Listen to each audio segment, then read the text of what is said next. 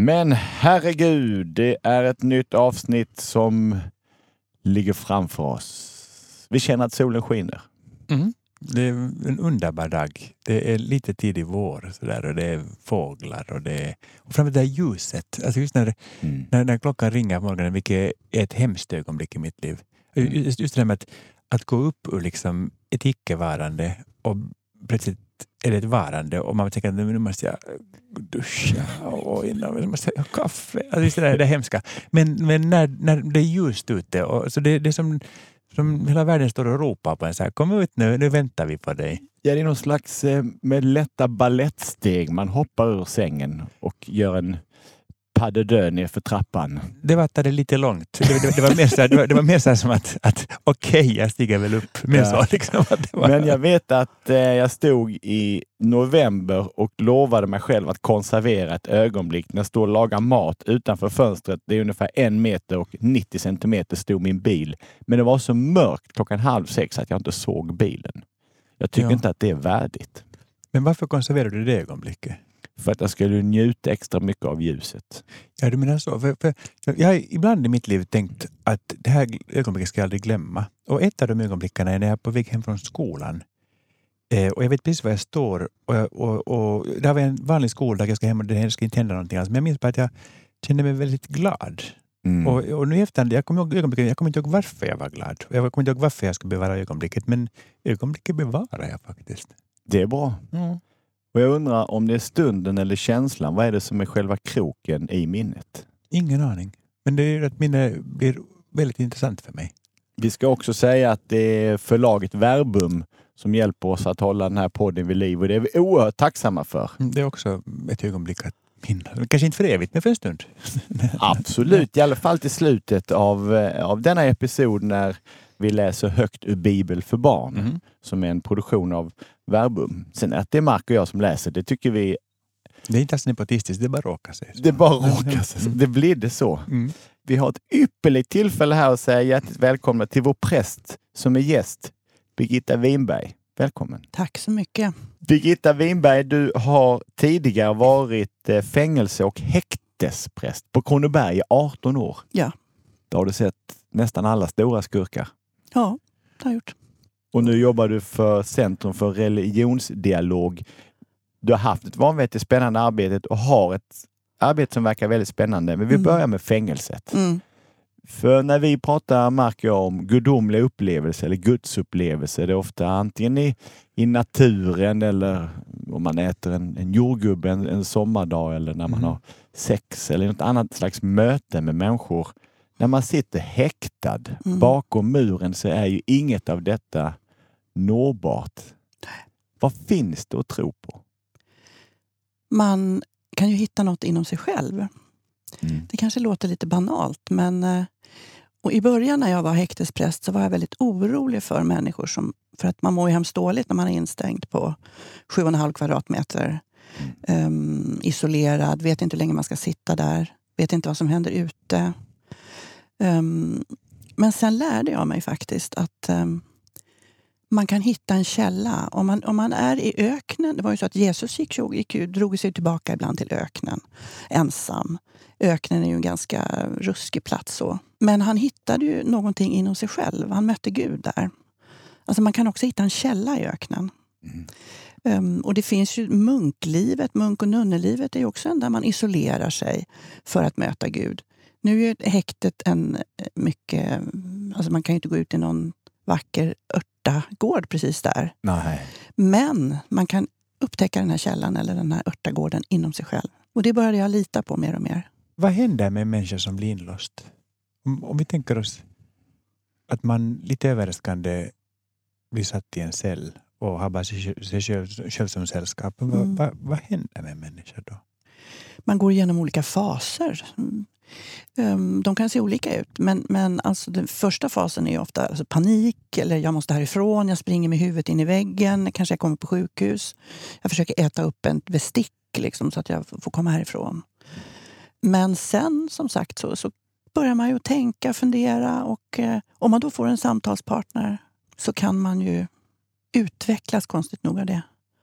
Det är inte så, jag tycker att det är hemskt med häkten. Alltså det är särskilt eh, svenska häkten där man har, får sitta i vi har obegränsade häktestider och obegränsade restriktionstider. Det vill säga att man kan få sitta isolerad hur länge som helst. Och man har ju framförallt inget slutdatum. Nej. Så att du är ju satt i en evighet. Ja, ja. Så att det är verkligen ingenting. Men det, det märkliga är ju just att alltså min gudstro blev ju starkare av att vara där. För att jag märkte att alltså, det är verkligen så att i mörkret och på botten, där finns Gud.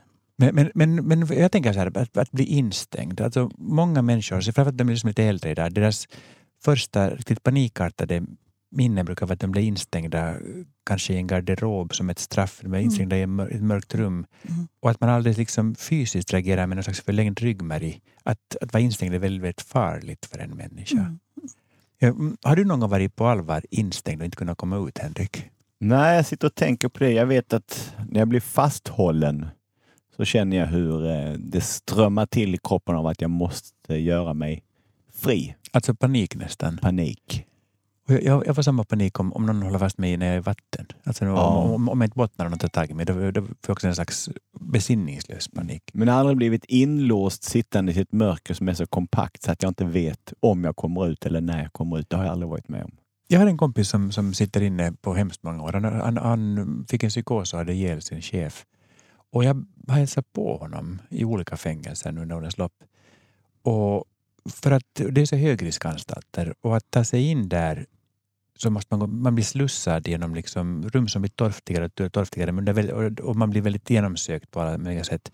Och det är fruktansvärt obehagligt. Och det är svårt, svårt att ens förklara liksom varför det är obehagligt men det är bara hemskt obehagligt. Och småningom är du inom väldigt tjocka murar som liksom skriker av ångest. Alltså väggarna bär på sig så mycket gammalt skräp. Och nu, och nu är jag, jag är ingen så aura-människa. Alltså jag, jag, jag, jag är inte alls säker på att, på att, på att eh, byggnader smittas av dålig stämning. Men det är verkligen, det känns som att väggarna kryper närmare när man är Men jag vet att du har hälsat på honom några gånger genom åren. Det har ju ändå gått några år sedan det här hände.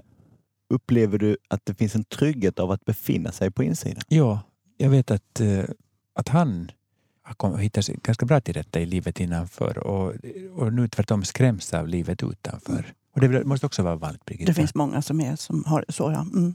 Som känner att när de kommer in så är det riktigt skönt. Alltså nu behöver jag inte ta några beslut utan nu kan jag vara här och jag har mat och jag har tak över huvudet. Och det finns ju många som lever eländiga liv på utsidan också.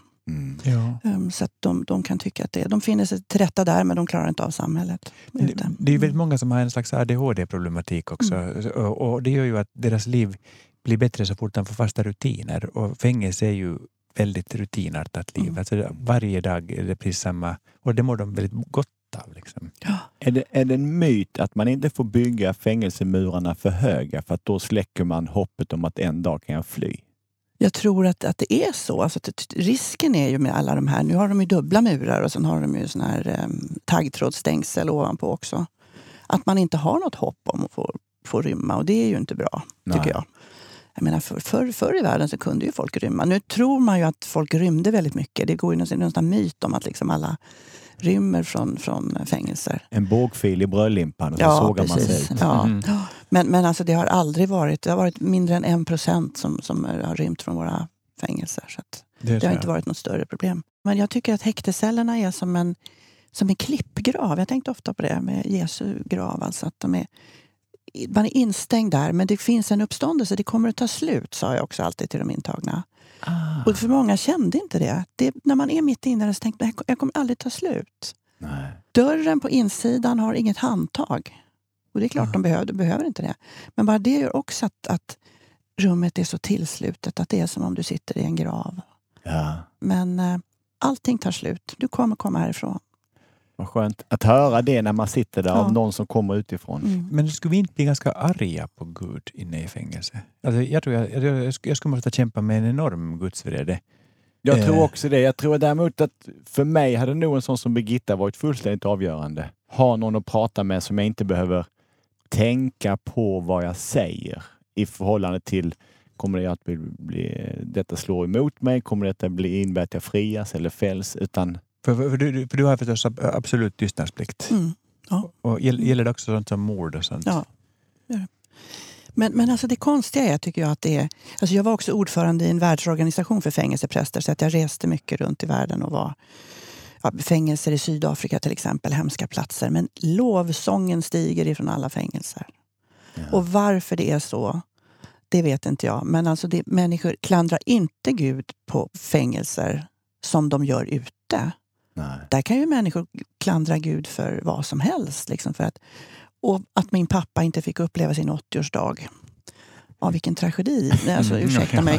Det, det är väl fruktansvärt att man Men jag menar, där har man... Och tänk, och Gud har övergivit mig och jag tror, ser så mycket ondska det finns i världen. Nej, man pratar inte så på fängelse. Det är inte min erfarenhet. Fast jag börjar tänka att jo, vi skulle vara arga, men är inte steget därefter att man försonar sig med Gud och småningom blir han helt oumbärlig ja. för att man skulle inte tappa sitt förstånd? Mm. Alltså det, det, måste också vara en process man går igenom, tror vi inte?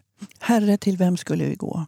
Det finns bara Gud att vända sig till. Precis. Alla har vänt sig emot dig också för det mesta. Jag menar, du, du vet ju inte det, men, men många vänner och familj och så kan ju lämna dig i det, det läget. Ja, och det var en fråga som jag undrar. Eh, som anhörig, som vän eller släkting till någon som är intagen, vad skulle du vilja uppmana dem till? Eller hur ska, de, ska man förhålla sig till det? Och vad ska man göra för att göra livet lättare för den som sitter, sitter inne? Man ska finnas kvar framför allt. Skriva brev, kort, tänka på den personen. Alltså mera, mycket praktiska saker påminna om att jag finns kvar här och att det finns ett liv ute utanför också. Mm. Vi har ju chockats, Mark och jag, inför en fråga vad det gäller präster. Det är de prästerna som man stöter på i dramatiken. Böcker, film och så vidare. För i verklighetens präster, alla de som vi känner och de vi träffar, dig inklusive Birgitta, så är vi alltid förvånade över att vi tycker så mycket om dem. Och de är så öppna. De är så öppna. Men när det kommer till filmer eller böcker, då, då är det så lätt att eh, karva ut någon slags nidbild. Jag, jag, jag måste bara berätta en sak. Där, att då på 80-talet, då när, när aids började komma, hiv och sånt, så, så vi var ju bara par i alla homosexuella. Men vem var det då som ordnade regnbågsmässor? Jo, Svenska kyrkan. Och det var på en tid då det inte stod och viftades med flaggor och, och, och, och, och liksom och, och, alla gav sitt stöd. Utan det var då när ingen gav sitt stöd. Då var faktiskt det var kyrkan som var där då. Ja, det tror jag också när man summerar hur vi tog emot flyktingar året mm. 2016. Att mm. Kyrkan kommer inte ha någonting att skämmas för Nej. senare. Men en som kan sin bibel och som har gjort skrivit en väldigt rolig bok som heter Mördar-Anders Jonas Jonasson. För er som inte har läst den boken ännu kanske känner igen boken Hundraåringen som klev ut genom fönstret och försvann som han också har skrivit. Men jag skulle vilja att vi ringer till honom och frågar hur han gjorde när han skapade sin Johanna. Hon är en kvinnlig präst i hans, i hans bok som, som tar tag i mörda Anders, tjänar pengar på honom och driver det här väldigt långt. Ja, det är Jonas. Åh! Hej, det är Mark här. Hej! Och det är Henrik också. Mark och Jonas och Henrik. ja, ja, vad mysigt. Hej, hur mår du? Jag mår bra tack. Själv då? Jo, bara bra. Vi är hemskt glada när du svarar faktiskt. Vi, vi, vi ringer direkt från programmet, men herregud. Ja, vi har också en, en gäst i studion, Birgitta Winberg, som är en, en, en, kvinnlig präst. Du får ropa hej också, Birgitta. Hej, hej! Så. Mm. Hej, hej Birgitta. Hej. Du, vi söker ju svaret på präster i dramatiken, eh, Mark och jag. Och jag vet ju när jag läste din Mördar-Anders att jag har så vanvettigt eh, roligt åt din präst Johanna. Berätta hur hon kom till. det vet jag inte riktigt. Hon, hon kom väl från himlen nerseglande kanske. Um, nej, men det är väl som så att när man ska skapa sina eh, karaktärer så, så eh, ska man om, man är, om man är i min genre, ska man skapa en bilskollärare ska det helst vara en bilskollärare som inte kan köra bil. Ska man skapa en ekonom ska det vara en som inte kan räkna. Så varför inte då en präst som inte tror på Gud? Det där var viktigt för mig att hon inte trodde på Gud från allra första början. För hade hon, hade hon varit en tvivlare eller att hon hade tappat tron under resans gång, då hade det blivit en, en teologisk bok som jag inte tycker att det är idag. Mm. Ah, så att genom att frånskriva henne det mest grundläggande så var hon fri att driva med helt enkelt? Precis. Um, och då blir ju i det här fallet då kyrkan och religionen, det blir bara ett budskap. Det blir inte något inlägg i någon debatt. Det har inte alls varit min avsikt. Jag har den största respekt för, för religionen. Det vimlar av bibelcitat. Det känns som att du kan din teologi. Jo, men vi, vi är väl alla mer eller mindre födda med vår eh, kristendom eh, här i Sverige. Jag har konfirmerats och, och eh, jag hade gamla farmor som tryckte bibelcitat i öronen på mig och det gjorde hon rätt i.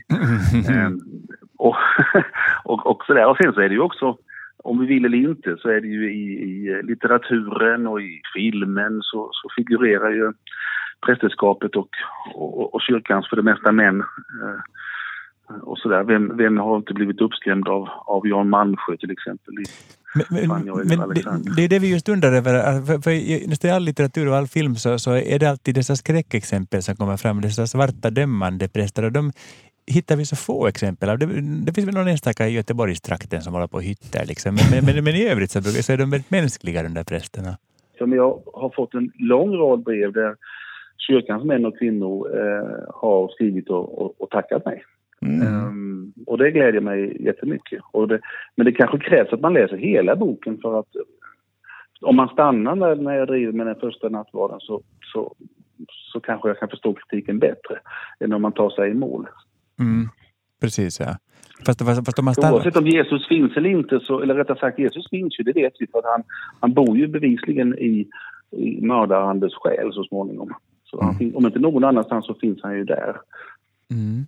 Vad fint. Men Väldigt fint. Birgitta, bor Jesus också i mördar-Anders själ? Jesus bor eh, framförallt på fängelser, tycker jag. Mm.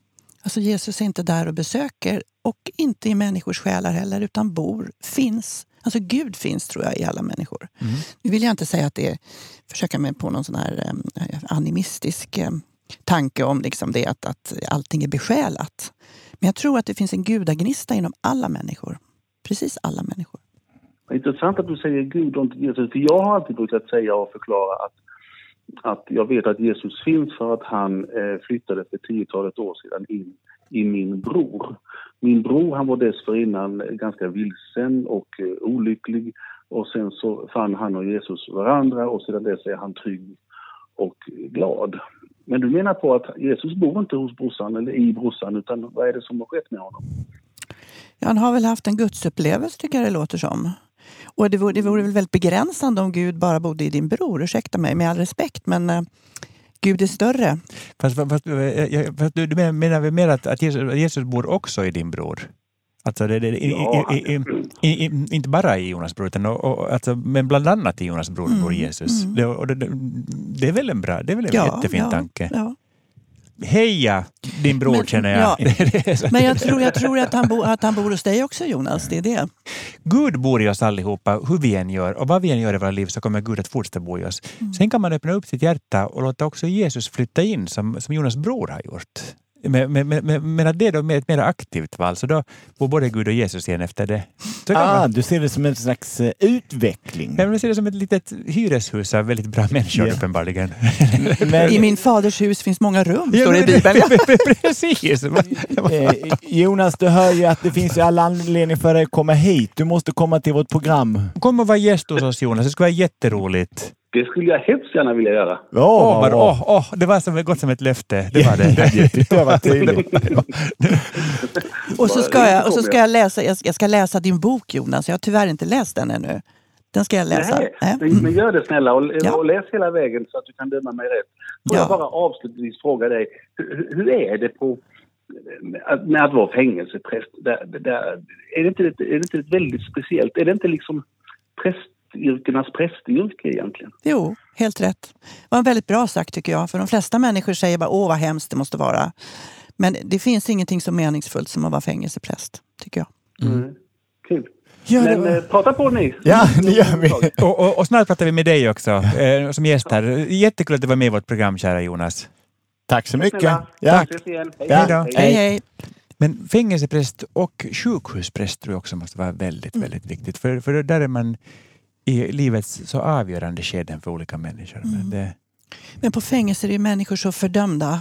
Mm. Jag menar ju att, att, alltså att, eh, det är de människor som man ser mest ner på i, i vårt land. Alltså Ja. man, man, det finns alla möjliga lagar emot att man inte får förfölja andra eller önska livet ur folk och så. Hatbrott. Mm. Men man kan säga om en människa som sitter i fängelse att han skulle få ha nackskott. Han skulle Mm. döda dem. Det finns en grej som jag har funderat på. Jag vet inte vad den är värd, ifall det bara är en lek med ord eller om det finns något djup i det. Jag säger det rakt ut för att det är till er bägge två.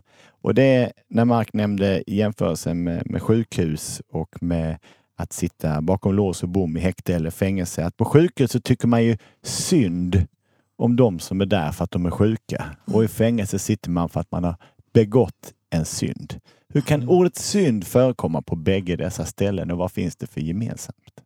Mycket spännande. En, en synd för mig är ett brott mot hur saker ska vara. Att, eh, att om vi utgår från en gudomlig ordning så en synd är det som bryter mot detta. Och då är det synd om människor som, liksom, som, är jätte, som har väldigt mycket smärta och får lida till exempel. Eller synd om någon vars barn har dött, vilket är det mest fruktansvärda jag kan tänka mig. Knack, knack. Eh, Ja, absolut. Och, och, och, och, och samma sak, synd i form av en förbrytelse är också ett brott mot hur det ska vara. Ante, så tror vad tror du? Förlåt, vi, vi släpper aldrig in några gäster i vårt program för vi är alltid upptagna av själva här. Massa, Och varje gång Birgitta säger något så är det så mycket klokare när vi pratar, så då får vi byta ämne. Ja, precis. Tyst min sagt. käfter, släpp in Birgitta. Men, men, men alltså, jag menar, alltså, det är synd, det här det är, väl, det är väl olika betydelser. Att tycka synd om någon, att begå en synd, det är väl ändå olika eh, etymologiska betydelser. Eller hur är det inte? Henrik? Men, men, Ja, men, men alltså ett- synd, om vi nu ska ta det här begreppet synd som man ju ofta lyfter fram också som att kyrkan pratar så mycket om synd. Jag tycker inte att vi gör det. Men, men synd alltså, kommer ju från tyskans sund, alltså, sund, alltså det, det som skiljer människan från Gud. Mm. Mhm. Gapet där. Och, och i, i, em, i Bibeln, i Nya Testamentet, så är, är det, eh, och det är hamartein, alltså att synda är att missa, det är en bågskytteterm. Att missa målet när du skjuter med båge. Jaha. Så att det är mycket större än det här med de här sakerna som att svära eller Mm. eh, göra enskilda handlingar. Utan det är en livsinriktning Mm. som Mm. är alltså att du har, du har gått ifrån ditt målet med ditt liv. Alltså, du, har, Mm. du har missat målet. Så det är mer att komma Det på snedd, komma på kant. Ja. Mm. Mm. Ja, precis. Mm. Men det var intressant. Alltså, jag, kommer från en kyrka, alltså katolska kyrkan, där man talar ganska mycket om synd. Mm. Och, och det brukar folk må ganska gott av. Ja, framförallt talar man ju mycket om förlåtelse i bikten. Ja, det, det gör man också. Men, men, men, men det handlar ju mycket, alltså just predikningarna handlar, det, det, det, det är mycket mer så att man pekar med hela handen. Liksom. Och, Mm. och där kan man tycka att Svenska kyrkan är lite svajiga. De, de, de kunde gott ibland säga liksom, att så här kan man också göra. Det, det är liksom inget fel att följa de tio budorden. Till exempel, Ja. Jag liksom att det, men, men, eh, men det, är där är väldigt, det där är väldigt spännande. För jag undrar om det är en, ett, jag vill inte säga ålderstecken, utan jag vill säga ett mognadsbevis. Jag tror vi delar på det, du och jag Mark. Ifall det har att göra med att vi har barn i skolan när vi uppskattar lärare med regler. Mm. Mobilen ska ligga i väskan, ingen keps på lektionen. För Mm. jag känner likadant med Svenska kyrkan. Lite mera råd och rättesnöre hade inte skadat. Det är alldeles för förstående ibland. Men och då finns Birgitta det ju himla med ögonen. Ja, visst, men då finns det ju de som säger att vi bara pratar om synd. Syndabekännelsen ska bort. Och det, håller- det, det är också en sån här chimär. Om, Ja. men sen kan man ju säga att jag tycker ju katolska kyrkan har, de sexualiserar ju synden på ett väldigt märkligt sätt. Om vi nu, ska, nu ska vi kanske inte diskutera. Jo, jo, Men jo, jo vi, vi är med på allting. Varit alldeles för lite sex i det här programmet. Jo, men, men, men, men, men, men det har du också rätt i. Ja, och, och jag, jag, jag vill inte alls göra, någon jämförelse med, med att det enda jag tänker på att, att om jag lyssnar på en predikan så då vill jag att den som predikar ska vilja någonting. Mm. Och, och, och en predikan som går ut på att allt är ganska bra och nu så blåser det en ljumvind och nu är det färdigt. Det känns att, jaha, att, att, att, att jag vill ha någonting att brottas med i huvudet när jag hör Ja. på en predikan. Och det där tycker jag att man ibland kunde, kunde vara lite släggigare helt enkelt. Man ska ha någonting att stå på kyrktrappan och prata om så man håller ifrån sig skvaller. Du jobbar ju med religionsdialog, det vill Mm. säga att religioner ska kunna tala med varandra. Mm. Finns det en gud, det vill säga har alla religioner samma gud? Jag tror att det finns en gud och sen finns det olika vägar till Gud. Och på det sättet så vill jag liksom inte kränka någons um, väg till Gud. Därför att det är ju den rätta så att säga för mig. Jag tror att kulturer påverkar hur man ser Gud. Och jag tror att vi alla bara ser Gud på ryggen. Mm. Ingen vet, ingen kan hålla Gud i sin hand och säga att så här är Gud. Nu har ju vi Jesus Kristus som vi tror är vägen till, till eh, Gud. Men kanske Mm. inte den enda vägen skulle jag vilja säga. Men är, det, är det inte så att den som ser Guds ansikte måste dö? Står det inte i Gamla testamentet? Är inte det Fantomen? Nej, ursäkta. Nej, men det är den här Medusa, grekiska mytologin, man förvandlas till sten. Men, men, men, men, men, men jag har ett svagt minne av att det i Bibeln står något att... Ja, alltså det där, därför uppenbarar sig i form av olika buskar och Ja, saker. för, jo. för, för, för, att ser man, Man ser inte Guds ansikte. Nej, man ser inte Guds ansikte. Men, men du har rätt, det kanske var Fantomen. Ja, ja. ja, men, men, Något, något stort, starkt att hålla sig i när tron tryter. Sveriges, Sveriges, Sveriges Radio har teologiska rummet. Vi, vi hade teologiskt krökta-rummet. Det, det, det, det, blir- Ja, det är mer spännande. Verkligen. I, I det här rummet lär- lär det bli svårt att hitta någon som är motståndare till den här tanken på att det är en gud och många vägar. Men jag tycker att det finns ju ändå folk som blir så fruktansvärt provocerade av att någon annan än de själva skulle ha rätt i det här. Mm. Och, men vilka är de människorna tror vi? De människorna tror jag är de som är rädda för att bli av med något som inte finns. Det är möjligt att jag låter väldigt fördomsfull, men det är också, kan jag uppleva, att det är den typen av människor som ifrågasätter all religion eller någon annans religion. Ja, men varför finns det krig då? Om Gud finns.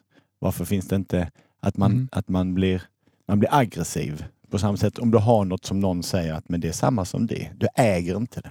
Men, men, jag, jag, jag märkte det här att, att folk, folk älskar, alltså kristna människor älskar ofta Jesus och de älskar Jesus som en slags figur de ser framför sig själva. Alltså de, de har gjort en egen bild av hur Jesus ser ut. Som en människa. Jag som är människa och om man på något vis försöker ifrågasätta eller peka ut så kan det också vara, så kan de bli hemskt aggressiva. Man märker, det, det, det blir hemskt aggressiva insändare och väldigt liksom så att, att, att, man berör jag vet inte om det har riktigt med det att göra, men det har på sätt och vis. Jag, jag, jag fick en sån hemskt fin jacka av Henrik eh, förra, gången vi såg, så jag är så glad över den. Och så kom jag hem och så sa jag till Jonas att är den inte fin? Och så tittade han väldigt konfunderad. Så han, att är det en jacka eller är det en kavaj? Så sa jag att det spelar väl ingen roll? Jo. Så, nej, det spelar ingen roll. Jo. Och för honom var det jätteviktigt att definiera om det var en jacka eller en kavaj. Jag tänkte att men det skiter jag i helt och hållet. Ja. Och så tycker jag att, att människor är så hemskt olika lagda. Och, och, och Jonas är verkligen en av de mest vidsynta och liksom kreativa och flexibla människor jag känner. Men just det här Mm. var så otroligt viktigt för honom. Och jag kan känna att vissa, vissa människor låser sig i förhållande till Gud på samma sätt. Att de måste, trots att det handlar om tro så måste de hela tiden veta. Mm. Att, att, att, och och det där med, det, det kan, de tror jag kan vara- bli provocerade. Ja, alltså jag, jag tror nog att det är ännu värre, med all respekt för din jacka, men jag tror att det är ännu värre med, med det här med, med Värre än kristna. jacka. Som, ja, ja, ja, ja, Nej, men alltså, med, frågan är hetare Ja. när det gäller Jesus än när det gäller din jacka. Jo, jo, jo, ursäkta. jo, jo, Så menar jo, jo, jo, men, men, jag ville bara peka på ett, tank, på, på ett tankemönster som jag tänkte kanske, kanske var samma. Liksom i, att, att, Ja, det- men, men alltså det, här, det, det som det kommer hända nu också tror jag, det, det, det, men det står ju i Bibeln, brukar folk säga. Även Ja. om de kanske knappt har läst Bibeln så står det Nej. Jesus, jag är en, den enda vägen. Liksom. Mm. San, vägen, sanningen och livet. Så att det, det, är ju väldigt, det är ju väldigt centralt där med Jesus som Guds son. Och det vill jag bara säga att det tror jag på. Mm. Men kanske finns det andra vägar till Gud, menar jag ändå. Det var ju hemskt Och- motsägelsefullt. Att Du, Det är motsägelsefullt. början av meningen det, det tror du på, Det tror jag på. att han är enda vägen, för att sen fortsätter meningen med att kanske finns det andra vägar också. Ja, nu, ja alltså jag, alltså jag, jag, jag, för, för mig kan jag säga att han är det då. Mm, precis. Och, ja. och, att, och att andra tror att det andra, ja, jag vet inte. Jag vet inte. Nej. Ingen människa vet. och därför tror vi. Ja, Precis, ja. Ja, ja. Och jag tycker väldigt mycket om det, för vad det handlar om är ju att arbeta med sin tro. Att Ja. tänka på sin tro och att leva efter sin tro.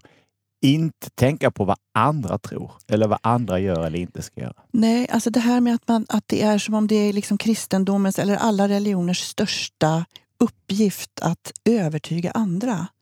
Det ser inte jag något spår av i, liksom i, i Bibeln eller i Jesus överhuvudtaget. Mm. Utan se hur de älskar varandra. Det är det som utmärker kristna. Mm. Se hur de älskar varandra. Du måste komma tillbaka Birgitta, du är en fantastisk gäst. Det, Verkligen. Men, men, men, men det, vi hoppar ju som pingisbollar i våra tankar. Men det, det, men det, det, vi vill, det är så mycket vi vill. Vi säger Ja. att, att det här besöket hos oss, det var en jättelång trailer för ett minst dubbelt så långt besök. Åh, minst dubbelt så långt. Ja, vad roligt. och då ska roligt. gå på djupet med alla de ytliga frågor vi hade idag. Och det finns så mycket djup i oss, vi, vi kommer aldrig fram till det bara.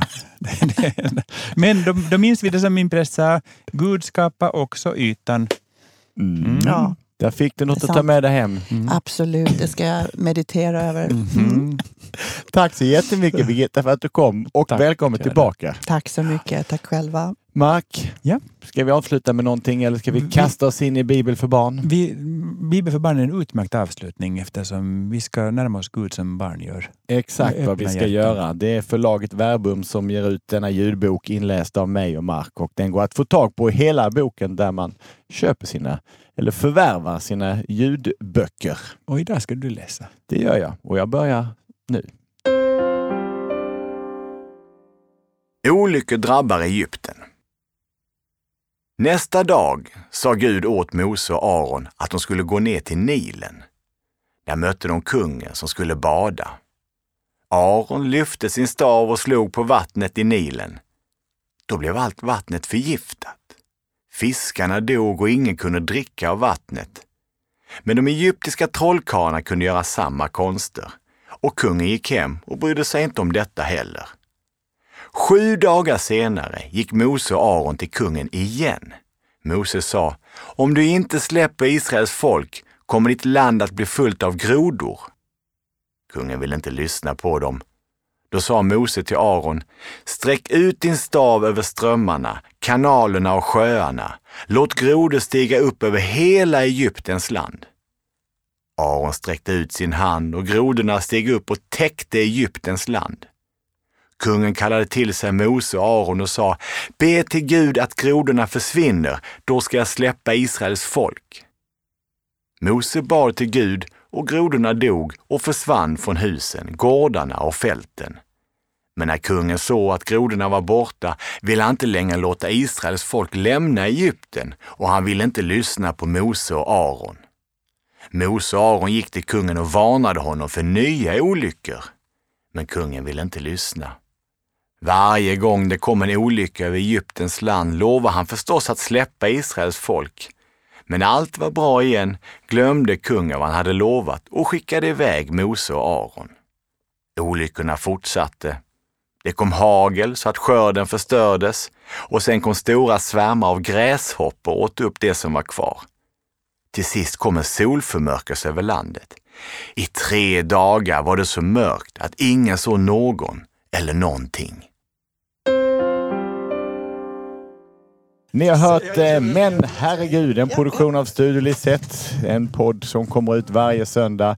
Det är Emil Drogge som är tekniker och eh, Edda Magna som gjorde vignetten. Skicka oss gärna ett mejl. Adressen är menherregud bauermedia.se. Menherregud bauermedia.se. Hej! Oh my god, oh my god, oh my god, oh my god, now the roof is falling.